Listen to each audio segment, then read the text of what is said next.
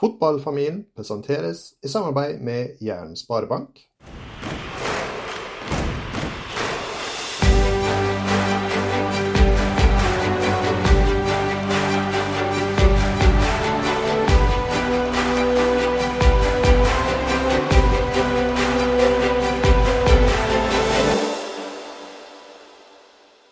Velkommen til Fotballfamilien, en podkast for deg som er glad i fotball. Som i fjor, i år, så er mitt navn Anders Solfjell Gjerseth, og oppe i Molde så er en spent ung herremann klar for en ny sesong som skal bli bedre enn fjoråret, ikke sant? Ja, jeg vet ikke helt hvor mange ganger jeg kommer til å gidde å si sånn Sanna Gjerseth uh, igjen, men vi får, vi får, starte året med det iallfall. Ja da, vi jobber med en bedre intro. Ok, i dag, Sander, så har vi altså med oss en eh, klubblegende av de sjeldne. Eh, Ikke bare klubblegende? Nei, nei, nei, men det, det er i hvert fall en klubblegende. Eh, altså 16 seriemesterskap, så vi, jeg må innrømme jeg er ikke helt oversikten, men jeg tror det er fortsatt europeisk rekord, hvis ikke jeg vet om andre. Eh, fem cupmesterskap, elleve sesonger i Mesterligaen. Kniksens hederspris, Norges mestvinnende spiller, ekstremt mange kamper og spilt i fire forskjellige tiår. Er det mulig? Velkommen til oss, Roar Strand. Tusen, tusen takk for det. Du, eh, jeg sa det til deg før vi gikk på her, at eh, som Molde-supportere så er vi jo programforplikta til å på en måte ikke like RBK. Men eh, vet ikke om det er fordi du spilte ett år i blått, eh, eller om det bare er fordi du er en likende fyr, men jeg har liksom aldri klart å mislike Roar Strand. Eh, er det andre som har sagt det samme, eller er det bare meg? uh, jeg kan ikke si til det. Eh, jeg føler at jeg har et eh, ja, stort sett godt forhold til de fleste. Så jeg håper og tror at det er personligheten min som gjør at du fortsatt har sansen for meg. Ja, for jeg syns alltid du har vært en sånn Uansett, du har gitt jernet og tøffe dueller, og uansett på en måte liksom, så har du alltid fremstått som veldig sånn type jovial, ærlig, rett fram, respekt for med- og motspillere. I det hele tatt en veldig sånn hei, ikke heil ved vi kaller det? det? Hvis du mener det, så tar jeg til meg det. Hjertelig takk. ja, for jeg, tenker, det er sånn, jeg syns kanskje litt sånn at sånne typer rollemodeller er det færre av i fotball nå enn da. Er det bare meg? Eh, hvis du tenker at du, at jeg har vært på Rosenborg i så mange år, da, så er det nok ganske ja. unikt. Er litt sånn kalle egoister, men at de tenker kanskje litt mer på seg sjøl og vil prøve å utforske enda større arenaer litt tidligere nå da, enn det var før i tida. Mm. Eh, jeg må jo innrømme det, jeg skal skryte litt av en annen eh, RBK-er òg, og så skal vi la det stoppe med det. Men eh, det er jo en ung herremann oppe i, Trøndelag som jeg syns virker litt som samme type. Den unge Nypan. Han ser ut som en sånn veldig jordnær og, og ydmyk type, sjøl om han er ufattelig spennende. Ja, nå skal ikke jeg sammenligne med Sverre, for han er akkurat fylt 17 år. og skal ikke si at han herjer i Eliteserien, men han gjør det utrolig bra. Og han kommer fra en bra familie, tror jeg. og er Veloppdratt og veldig høflig, fin fyr. Mm. han, eh, han tror ikke jeg blir like lenge Rosenborg som meg. Det kan jeg ganske være sikker på. Eh, jeg tror nok det er større fristelser som eh, kommer der. Ja. ja. Det tipper nok jeg òg. Eh, nei, men vi skal gå litt sånn i gang med dagens eh, tema. Spalten presenteres i samarbeid med Jæren Sparebank. Det er som vi sier det på Jæren, det er jabbene som drar. Vi ønsker jo å utvikle oss litt videre her i fotballfamilien, sånn at vi, vi, skal ikke miste relasjoner. Men i forhold til Jeg hadde et fast åpningsspørsmål. Hva betyr relasjoner for deg? Men nå ønsker jeg liksom også at du gjerne sier hva knytter du til begrepet relasjoner og betydning for deg og ditt liv og karrieren din? Relasjoner, det er, det er, ganske, det er ganske stort, da. For min del så liker jeg å ha gode relasjoner til de fleste som jeg både jobber med, eh, som jeg kjenner stort sett, og ikke minst på fotballbanen. Eh, og Det kommer ikke av seg sjøl. Eh, så det tar jo litt tid for å få til det, spesielt det taktisk-tekniske relasjonene på en fotballbane. Det er ikke gjort på et halvår. hvis jeg skal snakke om min erfaring i forhold til på fotballbanen, så er jo Nils Arne var jo ekstremt på å uh, bygge relasjoner. Uh, vi, vi, trente jo i det kjedsommelige, kan du si 11 mot X, kan du si. Det kunne være én motstander, det kunne være fem motstandere. Ja, uansett antall. Men så gikk vi gjennom spillemønsteret vårt hver fredag. Samme på igjen hele tida. Og det, som jeg sa, det er i det kjedsommelige. Men det ble en automatikk i det. Det blir sånne relasjoner som du ser bevegelsen f.eks. til Christer Basta, som var høyreback. Uh, han ser mine bevegelser, det går automatikk i det. Uh, hvis f.eks. Ståle Stensås spiller venstre back og jeg er høyre innløper, og han slår den pasningen til meg, som jeg demper, og kan slå i blinde igjen til Sebastian, som allerede har starta.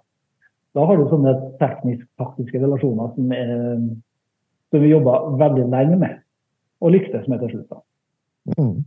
Det, er, det er, nok utvilsomt eh, Nils Arne, og kanskje litt sånn da i dagens fotball, Kjetil Knutsen, som på en måte har gjort meg mest nysgjerrig på liksom det med relasjoner da, i et litt sånn større perspektiv. fordi det er klart det, det er kjempeviktig eh, at det, det i, i, de aller fleste sidene ved, ved, ved samfunn og, og mennesker. Men, men det har kanskje litt sånn, for mange blitt litt sånn tallkombinasjoner og jeg, jeg, føler liksom ikke det er noen andre enn Kjell Knutsen som virkelig trekker frem relasjoner sånn offentlig i dag som fotballtrener. Nei, det kan godt stemme. Um, og relasjoner i forhold til at du kjenner medspillerne veldig godt òg. Det tror jeg òg mm. har en betydning. Mm. Hvis, hvis, du er i 87. minutt og du har en kompis som du kanskje ikke liker, som gjør en kjempetabbe, som får en kontring imot, så tenker du ah, jeg gidder ikke å ta løpet for han. Men har du en kompis som er i, i ditt hjerte, så ofrer du og tar det løpet. Garantert. Mm. Eh, for å sette det litt på spissen. da. Ja. Eh, og det Nils Arne var flink til etter hvert. Uh, han involverte spillerne. F.eks. hvis det skulle ha oss en ny høyrekant, så hadde han tre eller fire alternativ. Uh, og da kalte han inn f.eks. Skammelsrud, Hoftun, uh, Basma, meg uh, til en prat. Og liksom lurer på hvilken spiller vi ønsker oss av de fire. I forhold til hvordan den personen er på banen. Hvilke styrker og svakheter han har. Hvilken personlighet han har. Det er jo med å bygge relasjoner, mener jeg. Mm. Da får vi et eierskap i det, og da tar vi selvfølgelig ekstra godt vare på den, f.eks. den nye personen som kommer inn. Men opplever du da på en måte det at det var noe av dette som gjorde Nils Arne så unik i forhold til mange andre trenere? Uh, ja, det vil jeg påstå. Uh, det er ingen andre trenere som jeg har hatt som har uh, eh, handla på den måten. Nå har jeg ikke hatt så mange trenere så, over så lang tid, da. Så det kan jo at det er flere som tenker i de banene, men som ikke fikk praktisert, i hvert fall når jeg var med. Mm. Jeg synes Det er veldig spennende at han er jo en ekstremt sterk personlighet. Eh, du, du, du hørte og så han lett, men, men, samtidig så klarte han det der med å, å, å gi et større eierskap og gi plass til, til spillere og spillerpåvirkning òg, er ikke det riktig? viktig med eierskapet. For da har du da kan du ikke gjemme deg bak ting heller. Da må du stå for det du har gjort og det du mener og det, det du bidrar med. da. Mm. Så eierskap mener jeg er veldig viktig. Mm. Du, du, spilte jo i litt sånn under i hvert fall deler av samme periode, under Drillo òg. Eh, var det litt sånn de samme tingene der? Hva var det som gjorde de litt sånn ulike, og hva var det som var felles for dem? det er så veldig vanskelig synes jeg, å sammenligne dem. For Nils Arne hadde jo her 24-7. Uh, jeg bruker å si at Nils Arne var elska og hata. Han var utrolig streng. Uh, men som sier, det er lov til å være sint ett sekund bra. Så etterpå er vi gode kompiser igjen. Og Drillo har det liksom i sånne små doser.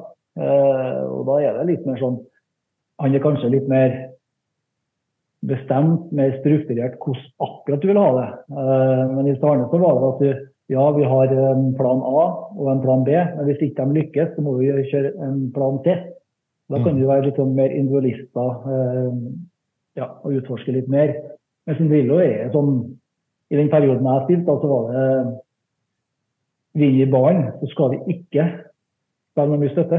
Da skal ballen fremover. Mm. Og som, og som indreløper så var det veldig veldig krevende. Ballen, hvis vi vant ballen på midtbanen, så ble den dytta ut til en back som slo langt på en lang spiss som skulle stusse, og der skulle vi være igjen. da. Så, uh, ja, jeg syns det er veldig vanskelig å sammenligne de toene som, som trenere. Det syns jeg. Mm.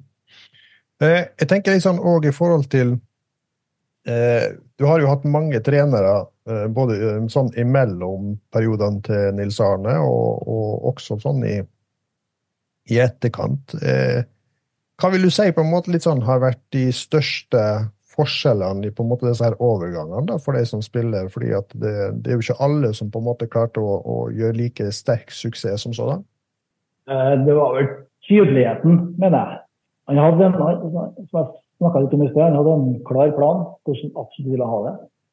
Eh, og F.eks. en annen trener uten å si navn. altså hadde den samme planen, men så var det en del sterke personligheter etter hvert som kanskje hadde litt andre meninger.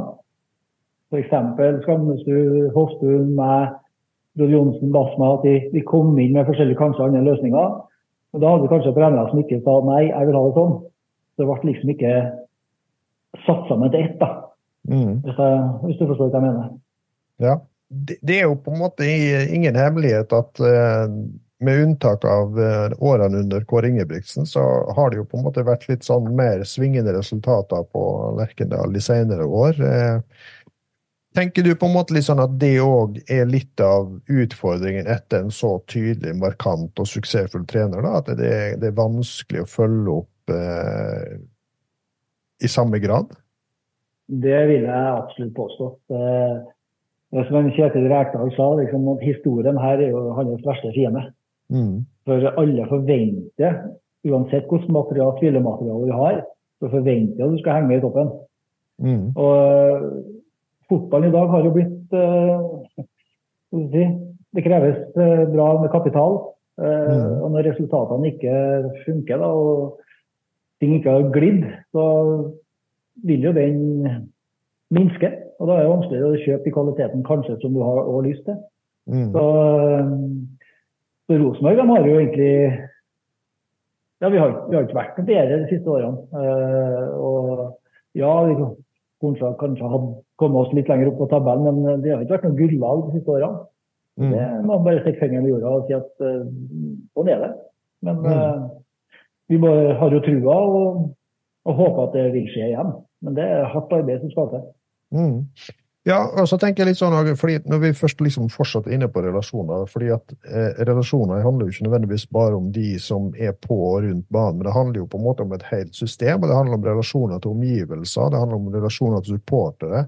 Mm. Eh, når Nils Arne var på sin storhetstid, og han og Rune Bratseth eh, styrte skuta, så, så virka det som om at det var på en måte gjerne en sånn det var ikke en stor stridighet. Det kunne sikkert være mange ivrige diskusjoner på bakgrunn om ikke resten av verden fikk se, men likevel, det var sånn veldig tydelig lederskap utad. Mens de senere årene, sånn for sett utenfra, i hvert fall, så virker det som at det er litt mer sånn murring i forhold til hvilken kurs en skal gå.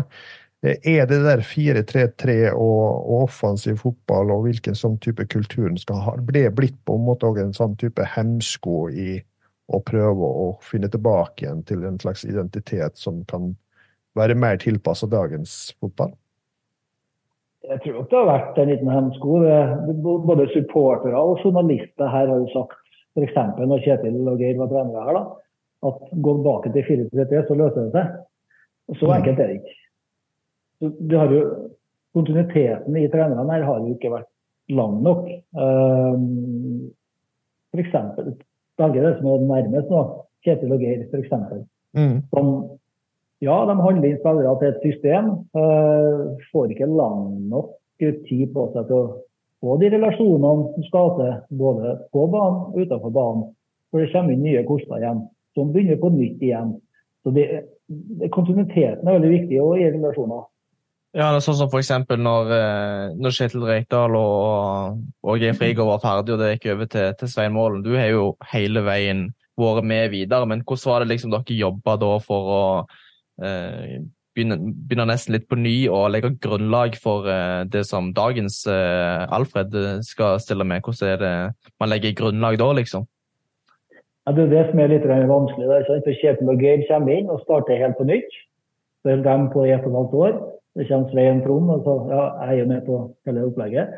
Og starter på nytt igjen.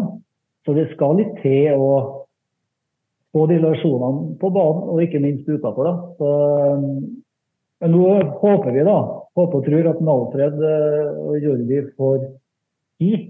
Eh, for der òg, de må prøve noe nytt nå. Eh, men litt annen type system å spille på, selv om 4-3-3 ligger bakerst. Så er det en litt annen måte å utføre det på. Så det her vil ikke snu over natta her eller der. Jeg tror heller ikke at år at Rosenborg skal tenke på at de skal være topp to, topp tre. Vi må kanskje bygge litt på at kanskje i 2025-2026 er med å konkurrere om uh, de edle metaller.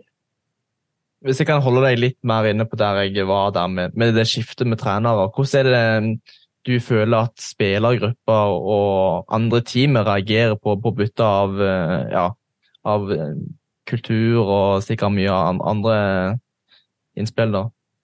Det er litt vanskelig å svare på hva spillerne tenker og får til å utføre. Kjetil og Geir henter jo spillere som man kanskje kjenner litt fra før, i sitt system. Uh, som kanskje er en positiv tvert det blir et bytte igjen. For da hørte jeg jo rykter om at det var noen som var positive til det. Men så får de ikke det til å lykkes. tror de nok på det? ja, det er liksom det der som er Og når vi ikke, ikke får resultater, det er krevende. For fotball det handler om resultat. Du skal jo prestere. Eh, har Kjetil og Geir f.eks. Uh, vunnet de fleste kampene, så har de mest sannsynlig vært der fortsatt. Selv om de ikke spiller 4-3-3. Mm. Men eh, jeg må jo da spørre, siden du kom inn på Kjetil og Geir som de siste i rekka, da, og så kanskje Svein Malen på, på slutten av året i fjor. Hvordan blir det jeg tenker jo igjen tilbake til det med relasjoner. Du knytter jo bånd til kollegaer, du er en del av et team. Eh, hvordan er det på en måte da når den brutale verden som fotballverden er, da, at det, plutselig så er det liksom bare takk og farvel, og så er det nye koster som skal inn? Nei, det, det, er jo litt sårt. Du, du er jo sammen døgnet rundt i et og et halvt år, og så får jeg telefon og sier at de eh, er ferdig. Eh, så det, det, gjør noe med det. Eh, så jeg fikk jo tilbud om å være med videre med Svein og Trond, og jeg måtte jo tenke litt på det sånn. Jeg følte litt lojalitet overfor de to andre òg. Eh, men liksom det er Rosenborg som er klubben min, da, og det er vanskelig å takke nei til å fortsette. Så til slutt så ble det valget ganske enkelt. Mm. Jeg snakka jo med Kjetil og Geir om det òg, og det var jo ikke noe tvil hva de ville. Mm. Ja. Riktig. Men uh, du sier Rosenborg klubben din, og du sa ja på en måte etter litt betenkningstid. Men hvordan blir det da? Fordi at jeg, jeg, leste jo her, eh, om det var i eller før helgen, i forhold til at du du kjente ikke på noen sånn type bitterhet i forhold til at du nå går tilbake til akademiet. Eh, hvordan er det for deg? da? På en måte Du er en del av et A-lag, nå skal du på en måte liksom tilbake noe annet. Kjenner du litt sånn på ambivalens i det, eller er det liksom bare greit?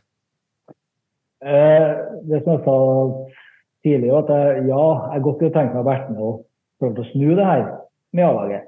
Mm. Men eh, forstår godt at de gjør noe nytt. Eh, det kommer et helt nytt team. De skal bygge noe helt nytt igjen. Eh, for min egen del så har trenerkarrieren gått veldig fort. Eh, så jeg var jo ett år i akademiet etter å ha vært ute av fotballen i mange år. Og ble henta på Kjetil og Geir. Så for min egen del så trenger jeg å komme meg litt ned nå og få litt større ansvar for min egen trenerutvikling. Og det tror mm. jeg er bare bra. Ja. Hvilke ambisjoner har du som trener? har ikke satt meg noen store ambisjoner. Det gjør jeg heller ikke som spiller. Eh, jeg tar egentlig som det er. Nå har jeg gått litt trenerkurs. Eh, og så tenker jeg litt sånn Er jeg en assistenttrener? Er jeg en hovedtrener? Eh, veldig usikker. Per dags dato så trives jeg veldig som assistent. Og så får jeg se da hva veien videre bringer. Så ja, vi tar det litt som det kommer.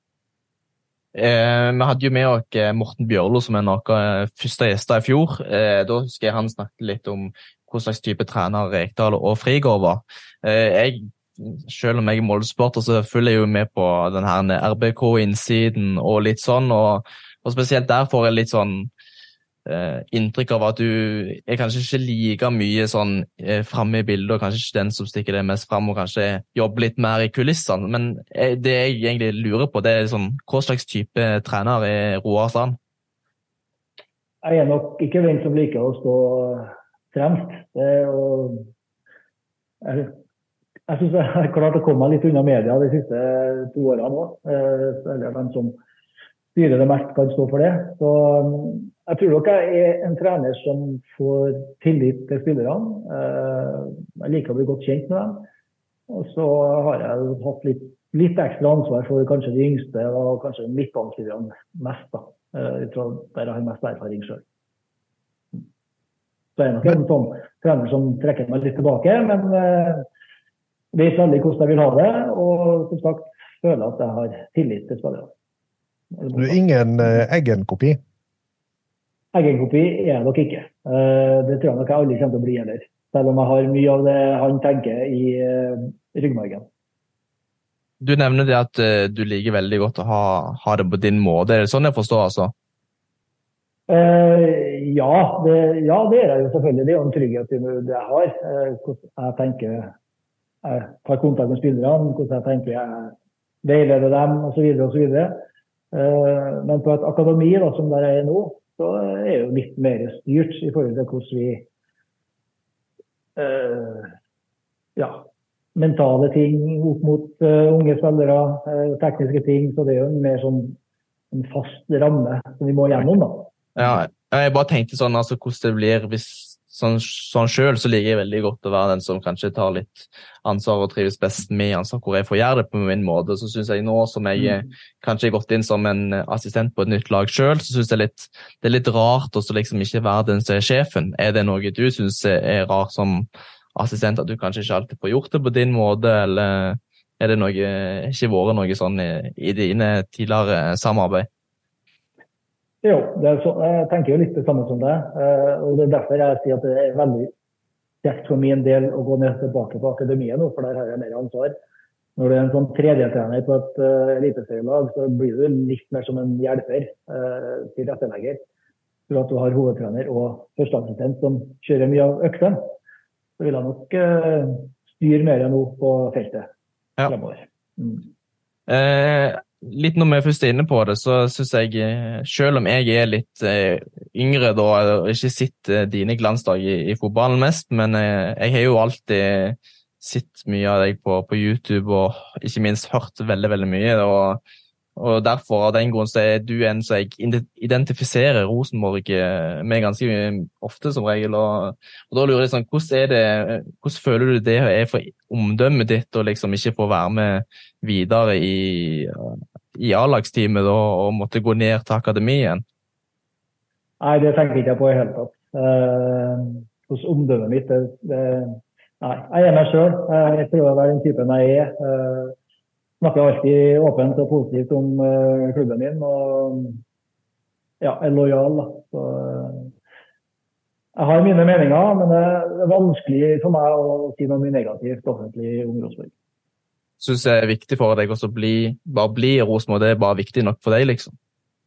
Nei, jeg skal ikke være her for enhver pris. Eh, dukker det opp eh, spennende ting som gir meg større utfordringer, så vil jeg vurdere det. Det vil jeg absolutt si. Jeg syns det var en eh, ting mange klubber kanskje bare skal skrive bak øret med en gang.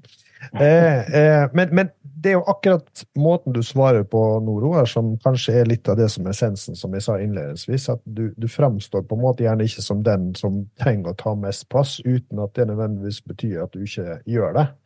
Eh, tenker du kanskje det òg at eh, den type trenere eller ressurser da, eh, blir for lite anerkjent generelt i fotballen, ikke bare i Rosenborg. Eh, for det er jo ofte de som roper høyt og eh, skaper overskrifter, som får mest spalteplass. Ja, hva skal jeg si til det? Nå har jeg jo en, eh, en venn som har kommet tilbake til Molde, da, som har vært ute i på Færøyene en tur. Eh, Daniel òg er kommet tilbake til akademiet. Mm. Eh, Selv var med Magne og gjorde kjempesuksess i eh, Klaksvik. Det er jo en, eh, Magne som får den store skryten.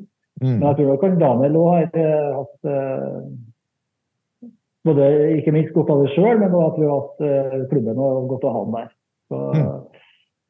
Jeg så litt på det du sier der. at Det er Magne som får mest skryt. Selv om jeg tror Daniel har mye å, å si der. Mm. Eh, litt sånn eh, for å bygge litt brua videre her. Eh, jeg tenker også det at mange av de gjestene som vi har hatt med, enten om det er trenere eller om det er ledere eller andre, eh, sier jo noe om at fotballen er ekstremt altoppslukende. Det er liksom 24-7, 365 dager i året nesten. Eh, er det på en måte noe du kjenner på? Er det noe som du syns er krevende sider av det? Hvordan balanserer du livet liksom på og utenfor? Når du er i bobla, så tenker du ikke over det. Da er det Du tenker resultat, du tenker prestasjoner, du tenker arbeid, du tenker framgang. Eh, og da, da går det i seg sjøl. Men jeg kjenner jo det. Når du spør om det, så kjenner jeg det nå eh, på akademiet. For da liksom, du får noen dager vinterferie, du får noen dager påskeferie, du får noen helgefri. Mm. Så, så sånn sett er det jo på mange måter positivt å komme på et litt mindre betydelig arena. da. Selv om det eh, er betydelig uansett for at du skal få frem gode, unge spillere. Mm. Eh, for å liksom gå utvide litt videre fra bare relasjoner. Jeg tenker litt sånn eh, Å ha så mange år i én og samme klubb, og eh, selv om på en måte kjærligheten til klubben og tilhørighet og alle disse her tingene selvfølgelig er viktig, så tenker jeg at du må jo òg være god på det med å, å styre din egen motivasjon. Hvor henter du motivasjon ifra? Det var gleden med fotball, rett og slett. Eh, Min, eh, min kone og jeg hadde noe foredrag eh, for noen år siden. og Hun var veldig oppgitt egentlig for at hun ville intervjue meg på en måte da, hvilke ambisjoner jeg egentlig har hatt. Eh, Men jeg har egentlig aldri hatt ambisjoner. Jeg, fikk jo tilbud fra Rosenborg ganske tidlig, men jeg valgte å bli Nalo et år til. Kun for at jeg syntes fotball var artig, jeg ville spille. Det, sånn har det gått bare, fra år til år. Eh, Jeg syns fortsatt det er artig å spille. Eh, Jeg holdt på til jeg var 49 år i tredjedivisjon. Jeg hadde som mål å spille tredjedivisjon som 50-åring, men da kom koronaen og ødela for meg. Eh, Så det har ligget spillet, eh, eh, vennene. Det er det som har eh, drevet meg. Riktig. Eh, og da tenker jeg litt sånn Tenker du at motivasjon i fotballen fra da du slo igjennom, og da du var på vei opp, til dagens unge spillere, og, og kanskje litt sånn etablerte som eh, Vi var inne på det litt sånn i forhold til det med hvor tidlig folk søker ut, eller hvor lenge du blir i en klubb. Tenker du motivasjonen har endra seg over tid? Ja, kanskje. Eh, mange tenker kanskje motivasjon økonomi. Eh, at det er derfor de tar tidligere ut òg. Det er lettere å tjene litt mer penger. Eh, nå sier jeg kanskje, for jeg vet jo ikke. Eh, Så ja. Jeg har jo sett mange lagkompiser av forrige opp gjennom årene. Eh, og det er jo stort sett litt eldre utgaver enn de som drar per dags dato. da. Eh, Så det er mulig at det er om det, om det er den spenninga, om det er den eller om det er økonomien som eh, motiverer dem, det tør ikke jeg å si noe om. Men, men det du egentlig sier da, er det der med at du har alltid vært styrt av denne indre motivasjonen som handler mer om gleden med fotball i seg sjøl, mens kanskje flere i dag styres mer av ytre motivasjon, kanskje? Kanskje. Eh, jeg hadde jo muligheten til å gå ut, jeg òg, i eh, kom meg ut i Europa og prøve nye eventyr. Men jeg, jeg valgte liksom trygge. Jeg valgte det å spille for et bra fotballag. Eh, da fikk jeg være med og spille Champions League. Jeg var så heldig å bli tatt ut på landslag.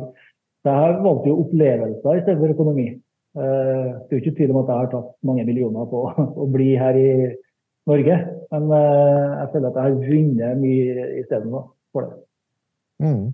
Men da må jeg jo spørre deg, er, det lov å spørre om hvilke klubber du eventuelt sa nei til i sin tid? Eh, det var ikke veldig mange som var konkret, eh, for det var, det var veldig mange som var nysgjerrige og forhørte seg. Men så eh, hadde jeg kanskje, jeg kanskje en liten tabbe at jeg har alltid lange kontrakter. Eh, Jeg hadde en femårskontrakt, og så gjorde jeg det brukbart. Og så skrev jeg en ny ett år, så jeg forlenga med ett år hele veien. da. Mm. Så mulig jeg burde ha meg en agent litt tidligere. Så, så leda meg andre veien, men eh, da tenker jeg da har jeg, jeg kanskje ikke fått oppleve de sportslige resultatene jeg har gjort. Mm. Da har jeg kanskje, jeg har jo sett min egen begrensning at jeg har ikke havna til noen toppklubb. Eh, Da har jeg ikke fått med meg Champions League. Så jeg har kanskje sittet mer på benken, og da har jeg ikke fått med to VM-sluttspill, f.eks. Så Mm. det er veldig å si at jeg har vunnet opplevelser. Du har jo òg eksempler, hvis vi skal ta litt sånn eh, sammenligna med nåtiden, så har du jo liksom Bodø-Glimt med at det er mange som reiser ut, kanskje ikke får det like til bra i utlandet, mens eh, hjemme i Norge så, så får du mange gode opplevelser. Er det litt sånn du Så du noe på det sjøl i din eh, i din tid, liksom at du vinner mye mer på å være her, kontra kanskje andre som reiser ut og ikke får like stor suksess ute? Ja, det var kanskje litt sånn jeg tenkte. Eh, Jeg liker det trygge, da. Eh, Og så starta jeg familie veldig tidlig òg, så det kanskje var noe spilte inn litt òg. Å dra med seg små barn ut i Europa, det var Det var et liten sånn et steg, det òg. Så eh, det var kanskje derfor jeg valgte å bli igjen da. Og få være med på det jeg har gjort. Mm. Mm. Du nevnte jo Daniel. eh, Det er jo du Daniel som eh, kanskje de aller fleste tenker på som de store klubblegendene, iallfall for oss som er tilhørighet i Midt-Norge.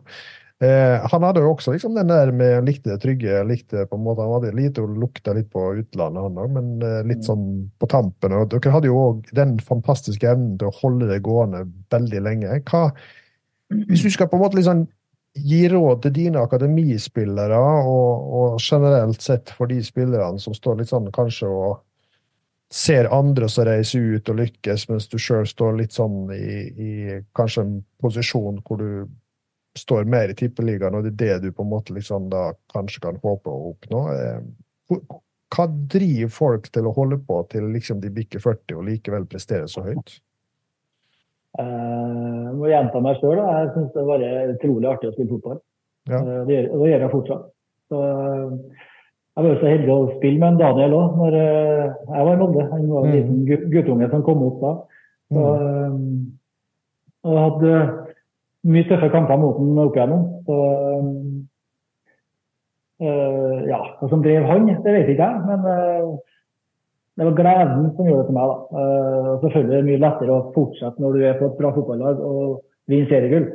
Det sier seg sjøl. Det, er ikke- det er ikke sikkert jeg holder på til 40 hvis du har ligget der Rosenborg er nå. Mm. Det er, ikke- det er ikke sikkert. Nei. Nei. Men, men jeg tenker da litt sånn, dere blir jo på en måte da veldig elska av supportere, i, eh, og, og ofte òg på en måte de store frustrasjonene til motlagets supportere. Men hvordan har ditt forhold til eh, supporterne vært, og, og ser du på en måte noen utfordringer knytta til et krav fra, fra supportere, og, og hvor stor trøkk og tyngde det skaper, da, kan, kan være utfordrende òg for de spillerne som kommer opp i dag? Jeg har alltid hatt eh, bra eh, Ja. Trives veldig godt med kjernen. Jeg har egentlig godt forhold til alle supportere rundt om i Norge. Mm. Eh, men eh, de er jo de setter høye krav, eh, og de er jo med faktisk på å Hva skal jeg si De er med å trykke på da, så at trenere at ballen begynner å rulle der òg, i forhold til Kjetil og Geir f.eks. Mm. det er jo journalister som begynner å snakke negativt. Man hiver seg på, og ballen ruller. Eh, jeg, nå sier jeg ikke at det ikke kommer til å skje uansett, men eh, det er nok med på å bidra. Og eh, det kravet som settes eh, her i Trøndelag, er ganske høyt. Det er, ikke alle som takler det. Verken spillere eller trenere. Så jeg håper da at omgivelsene i Trøndelag her nå gir de nye trenerne litt tid, for det trenger de. Mm. Ja, for du nevnte jo på en måte 25-26 som kanskje en realistisk eh, å på en måte være oppe og knive med om gullet. Men har en på en måte tid til å vente så lenge i dagens ekstreme resultatkrevende fotball? Jeg tror nok for Rosenborg sin del så er det, det er sånn. Vi snakker at vi må slanke stallen.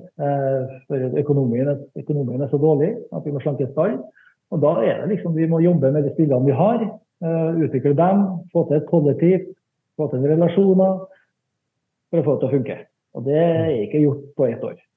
Mm.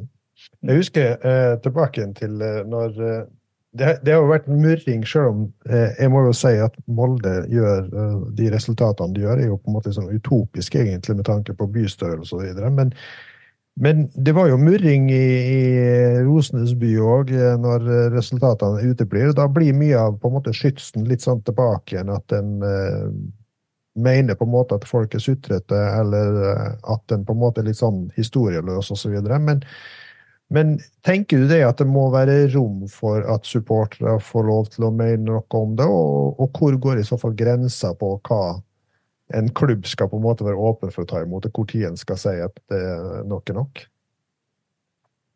Engasjement og entusiasme, det må vi ha. Eh, og jeg skryter av Kjernen at det er fantastiske supportere. Eh, jeg kan ikke huske på det. Fjoråret jeg tror vi var ja, Bortefeltet var jo utsolgt hver kamp. Eh, og når vi har alt fra 16 til 20 000 på Lerkendal nesten hver helg, så er det imponerende. Og ja, de skal selvfølgelig få ytre meninger, sine, men legg det på et nivå som de, at vi blir hørt. da, Ikke dra noe lenger enn det. For det er greit å bli mm. hørt. så det, da, har de sagt sitt, men la det ligge der. Mm. Jeg tenker jo som sagt at det, Du har jo vært med, du nevnte noen tøffe oppgjør både med Molde og andre norske klubber i sin tid, og det var nok mye som foregikk på, fra tribunesida da òg, men, men syns du på en måte gjerne det at eh, det som kommer fra tribuner til tider, kanskje kan bli litt eh, vel mye? Jeg tenker jo tilbake på når Geir Bakke ble lynsja på Åråsen, og det var vel noen litt sånn ganske tøffe meldinger både på Lerkendal og i, i Oslo, annet i året som gikk. Hvor, hvor går grensa for hva han skal få lov til å For det er sånn som du sier, Engasjement er én ting, men, men, så er det jo når det glir over til å bli noe annet. Ja, det der eh, det blir jo litt sånn Ja, du skal, skal nesten ta personer. Det, det, det er som drar altfor langt ja, det er greit å bli hørt. Nevne på en kamp. Uh, kom fra trening med en banner, si at du er misfornøyd. Men ikke henge opp hatmeldinger og diverse uh, sånne ting. Og så har vi jo det er jo mye unge gutter her òg. Vi snakka visst ikke med Sverre Nypan her i sted. et bort, par bortekamper som vi tapte fullt fortjent med mye mål. så står det en 16-åring liksom, og skal prøve å forsvare seg overfor publikum som står og ja, har lyst til å komme og ta deg, egentlig. Eh, da har det gått for langt. Så det, sånn, det blir ikke noe bedre fotballspiller av det. Nei. Hvordan tror, du man kan eh, forebygge dette, eller gjøre at det her kan endre seg til å bli mer positivt, at det ikke blir så voldsomt? Jeg tror åpenhet er veldig viktig. Eh, du kan ja, f.eks. innvite kjernen til noen fotballøkt eller treninger. Og se. Uh, spillerne kan fære opp kjernen og ha et uh, foredrag om ting. Men de kan stille med spørsmål. Få en nærhet, få en, en, en, fin kontakt med supportere. Det tror jeg ikke er så dumt. Jeg skal innrømme det her er litt sånn hjertebarn for meg. da, fordi at jeg, som sagt, jeg har noe, jeg liker jo Kinleve, men jeg har nå slengt både den ene og andre meldinga på en fotballtribune opp gjennom tida, jeg òg, så jeg skal ikke sitte og, gjøre meg bedre enn jeg er. men og, og jeg syns det er kjempeviktig det der momentet som du sier med at vi ikke må miste engasjementet og lidenskapen, og at eh, folk bryr seg om fotballaget sitt og, og det som skjer da. Det, det er en helt eh, sentral ting. Men så tenker jeg litt sånn at fotballen òg som eh, hva skal jeg si, som eh, samla enhet må kanskje ta inn over seg liksom det mediebildet som vi har, da, hvor alt du sier og gjør, kommer Det blir ikke liksom bare sagt der og da som du var når jeg eh, var på Sandersen alder. Det, det, er liksom ute for alltid, og, og, det skaper en veldig sånn eh, hva skal vi kalle det, en, en um, spiral som det kanskje er vanskelig på en måte å stoppe òg. Eh, jeg tenker jo tilbake til din nestor eh, Nils Arne. Han var jo sånn, han satte jo alt og alle på plass når det var nødvendig. Ja. Jeg, savner kanskje litt sånne typer i fotballen i dag. Eh, hva tenker du om det? Det, du er inne på noe der jeg er faktisk litt enig med deg. Istedenfor at vi mottar alt det der uten å si fra.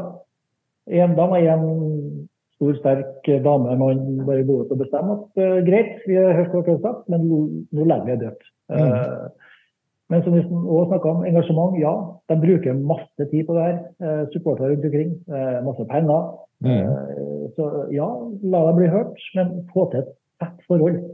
Uh, jeg hadde egentlig ikke tenkt på det sjøl. Jeg synes det var et veldig godt poeng at kjernen kan investere og spillere opp en samling de har. De diskuterer fotball. Generelle ting, da. Det, det får jeg komme med et forslag her på brakka, i. Mm. Ja, og det skal være litt sånn smooth overgang til på en måte det som jeg tenker handler om læring og utvikling. da, fordi eh, Noe som inspirerte oss til å starte dette, her er jo liksom litt de mentale aspektene ved fotballen. ikke sant? Eh, hvor stor eh, vekt legger du på som trener? For du sier I akademiet har du på en måte noen sånne type låste eh, rammer. Men hvor mye legger vekt du på de mentale aspektene i fotball når du jobber med unge spillere? Jeg har nok tenkt altfor lite på det eh, frem til nå. Eh, nå klarte jeg å fullføre A-kurset nå i fjor eh, og lært masse på det. Mm. Eh, Da var vi inne på det. Så eh, jeg vil nok jobbe mye mer med det. Og bli enda bedre kjent med hver enkelt spiller. For det er, det, er 22 forskjellige personligheter. 22 forskjellige måter å ta til seg læring på. Mm. 22 forskjellige måter å oppfatte det du sier. Så eh, der er det masse å lære, eh, selv om jeg har tatt et lite steg videre der nå. Så Mm. det skal jobbes godt med. Ja, har du brukt noen sånn type mentaltrener eller lignende i din karriere? Nei, vi har hatt noen uh, inn til oss på slutten av min karriere. eh, men jeg brukte aldri noe sånn enkelt. Eh, mulig at det har mye med at eh, karrieren min stort sett har gått sånn. Eh, Ja. Jeg har jo hatt ett år i Molde som var Ja, for min personlighet så gikk det veldig oppover, Mm. men vi rykka jo dessverre ned. Mm. Jeg bruker jo å fleipe med det. vet du, og Man spør hvorfor jeg var i Molde. Jeg, jeg, jeg gjør jo bare det jeg fikk beskjed om. Drar dit og får til å men eh, det var det altså ikke. Jeg kan forsvare meg med at jeg var toppskårer for Molde det året. Så da, Ja, da, da, du, jeg, jeg husker jo, jeg sto jo på tribunen den tida, og da kan jeg jo si at da, da fordek, fordekte du det ganske godt, Ja, for da var du den som sprang mest den gangen òg. ja, det var ikke noe artig å rykke ned. Absolutt ikke. Så, um, det, var, det var ikke, det, ikke meninga. Eh, Du sier jo litt det med at eh, du kanskje ikke har brukt så mye mentaltrener på når din karriere, har gått så mye oppover. Men vi hadde jo Slako Tripic her. Han sa det at han, eh, eh, når det har gått best i hans karriere, så har han òg brukt eh, mentaltrener når det har gått bra, og ikke bare når det har gått dårlig. Er det noe du Mm. tror kunne gjort at det kunne gått enda bedre? Det kan godt hende. Um, nå vet jeg vi har hatt bra utbytte av mental trener de siste årene her på brakka. Så uh, noen liker å bruke den, og enkelte syns det ikke nødvendig. Så det er litt forskjell på alder her òg. Uh, jeg tror nok det har en uh, mening med det. Det tror jeg. Mm.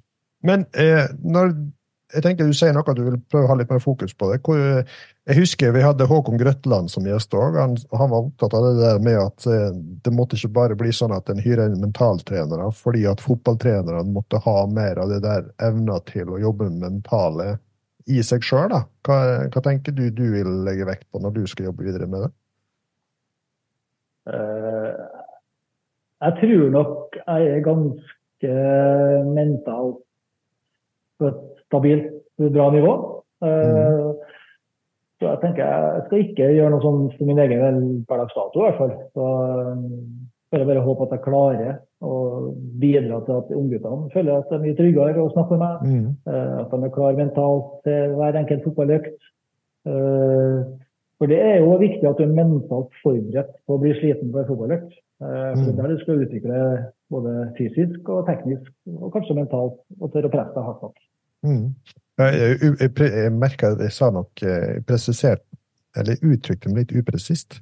Eh, Håkon han var veldig opptatt av det med at fotballtreneren, altså A-treneren, må ha mer av det der mentale ferdig, Ikke ferdigheter, da, men skoleringen. Sånn at ikke vi bare liksom tenker at det er mentaltrenere som kommer inn og så gjør en jobb og så går ut igjen, men at det på en måte liksom den ruster A-lagstrenerne for å mer ha den kompetansen. Eh, er det noe som du tenker du ønsker å jobbe videre med?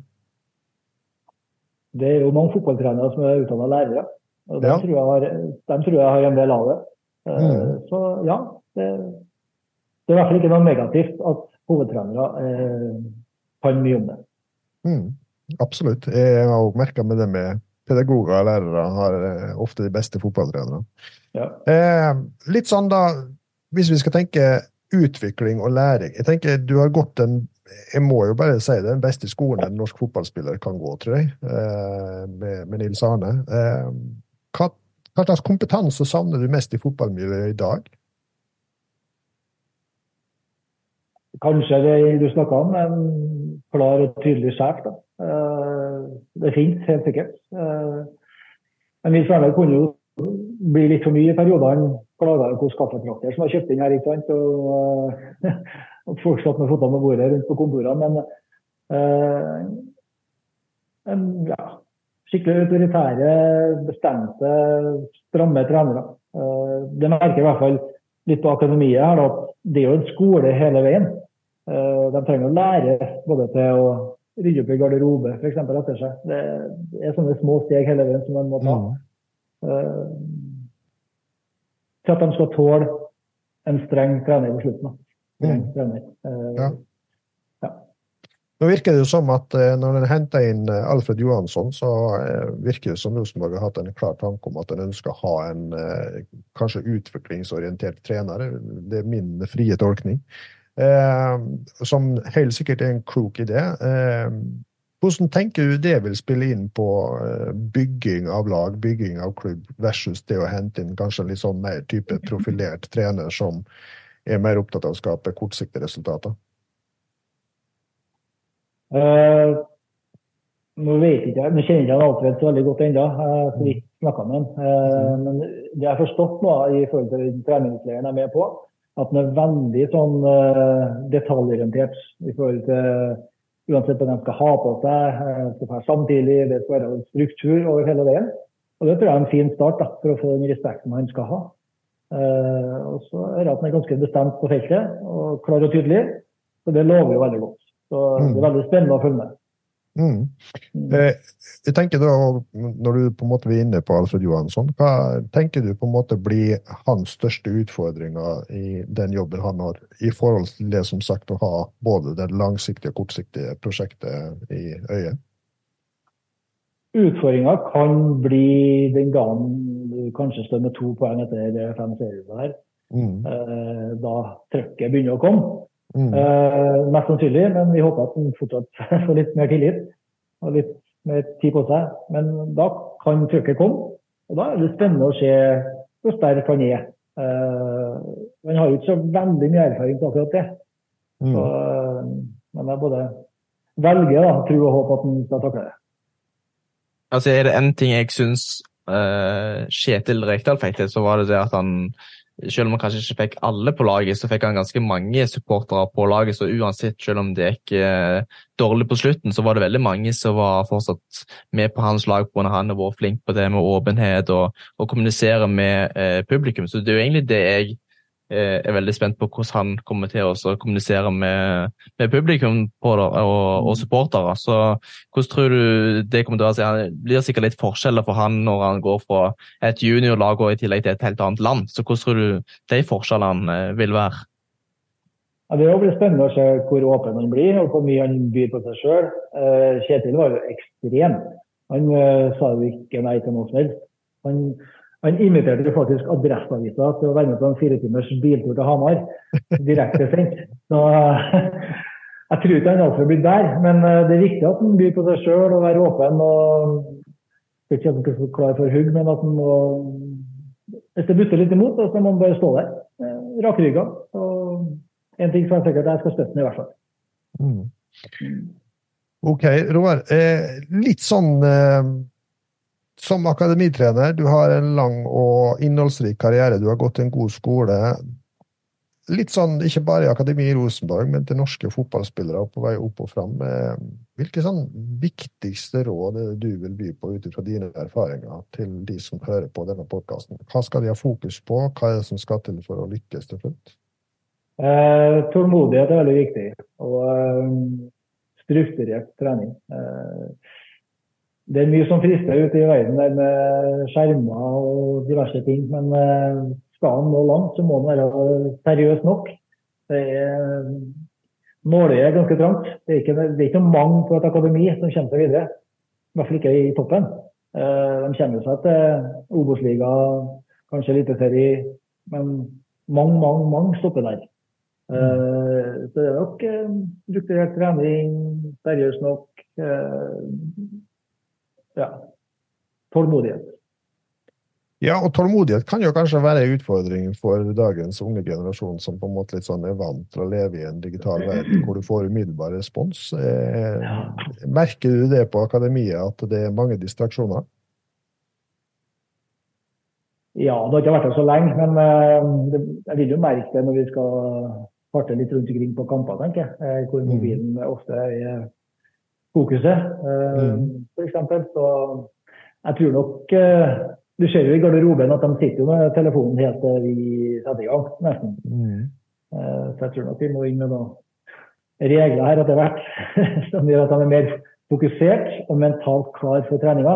Mm. For jeg tror ikke at du er det når det siste du gjør før treneren begynner å snakke, at du liksom har vært fem minutter på telefon. Mm. Da, tror, da, tror, jeg ikke du er mentalt klar til å trene. Nei, og jeg tenker liksom tilbake igjen til no, Dette her har jeg ikke kjennskap til, det er bare min tolkning av uh, den tiden. Men jeg har et inntrykk av at Nils Arne òg var veldig flink til det der med å lage en slags intern sjøljustis, sånn at gruppa òg på en måte var med og regulerte det sjøl. Stemmer det? Det stemmer. Og vi var jo en sterk gruppe. for vi var Både Bent og Erik uh, og meg da, vi var jo over mange år. Og da får du en sterk, uh, sterk gruppe som mm ja, det var ikke jeg som sa fra mest, men uh, hvis du fikk blikket til Bent Skammelsrud, så skjønte du at du, du hadde gjort noe feil. Ok, Så, så det, det innordna til og med Jon Carew seg, eller? Etter hvert. det tok litt tid. Ja. Men uh, han var ikke her så lenge, han. Så, uh, vi kjenner ham ganske godt, så jeg er ikke redd for å si det. At uh, han var ikke den som sto først i køa til å hjelpe med ting. Uh, det var nok ikke. Men, uh, men for en fantastisk fotballspiller. Det var veldig artig å ha vært med på det. det mm, ja. Mm. Nei, jeg, jeg, så jo at han inneholder seg en viss grad, han òg, etter hvert. Men eh, det vi egentlig snakker om, da, det er å bygge en kultur hvor på en måte egentlig ikke bare lederen er den som driver, men gruppa i sin helhet òg driver det og, og skaper et sterkt resultatfokus. Og det er vel det som på en måte kanskje kjennetegner det som vi ser oppe i Bodø, som òg er et lite sånn eventyr i moderne tid, er det ikke det? Ja, det er ikke tvil om det. Uh, du har sterke personligheter der òg, pluss at du har en sterk leder. Uh, og de har jo hatt spillere over tid nå som gjør at de har en bra kultur, tror jeg. Og de har en veldig bra treningshverdag. For de er jo de er sikkert to elvere som uh, har høyt nivå, som mm. konkurrerer hver dag. Og klart, Da blir du bedre fotballspillere òg. Det, det kollektivet de har oppi der, det er veldig sterkt. Mm. mm. Du Roar, eh, vi nærmer oss jo en time, og vi lovte jo at vi skulle prøve å holde oss rundt en time, som vi alltid gjør. Eh, jeg må jo helt til slutt eh, spørre deg, da. Hvordan har det vært å være med oss her i dag? Det har vært interessant. Jeg fikk jo oversendt et spørsmål, men som jeg skrev til Sander, at jeg, nei, jeg liker å ta det på sparket. Uh, liker ikke å forberede meg til sånne intervju. Da er det ikke sikkert du får de ærlige svarene. Nei. Så, nei, jeg syns det gikk greit. Mye fine refleksjoner. Ja, supert. Da skal vi begynne å runde litt av. Jeg vil jo bare si jeg, For meg har det vært utrolig kjekt å få ha det med, først og fremst fordi at jeg begynner å bli en aldrende mann etter hvert. da, men men du er jo på en måte en som er vokst opp med på fotballbanen. og Sånn sett så er det litt gøy å sitte og ha en samtale mange år etterpå hvor vi er i livet nå. Eh, også, Jo, jo. Og så syns jeg òg det er veldig kjekt i forhold til, som sagt det, Jeg syns det er på en måte viktig å, å, løfte fram som sagt, den eh, kulturen og arven som Nils Arne sto for, uten at det skal bli en, noe som en skal legge på verken RBK eller andre. Men, men, men, det er jo ikke tvil om at både menneskelig og fotballmessig så, så var han et ganske unikt menneske. Så jeg syns det er viktig å løfte det fram. Og de som på en måte jobba under han, da, får dele de erfaringene de hadde. Det syns jeg er spennende. Og det som var med han, at han var så utrolig sta. ikke sant? Så vi mm. prøvde jo, eh, Han hadde et system han ville ha. Han ville spille akkurat like borte som hjemme. Enten hun var mot uh, Real Madrid mm. eller hun var mot uh, Sogndal. eller mm. Så Vi fikk jo juling en periode, men til slutt så lyktes han med det. Og da, mm. det er det som gjør at han er hel helgenerklært. Mm. Da er vi tilbake igjen til tålmodighet, da. Det er riktig. Mm. Da runder vi fint av den med en fin overskrift. Tusen takk for at du var med oss, Roar. Jeg må jo få lov å si lykke til med jobben i eh, akademiet. Og jeg håper jo at norske fotballklubber har hørt at du eh, er åpen for eh, å lufte deg òg, hvis det sjansen byr seg. Så lykke til. Takk for at du var med oss for i dag. Og da sier vi bare Sander. På gjensyn. Takk i like måte.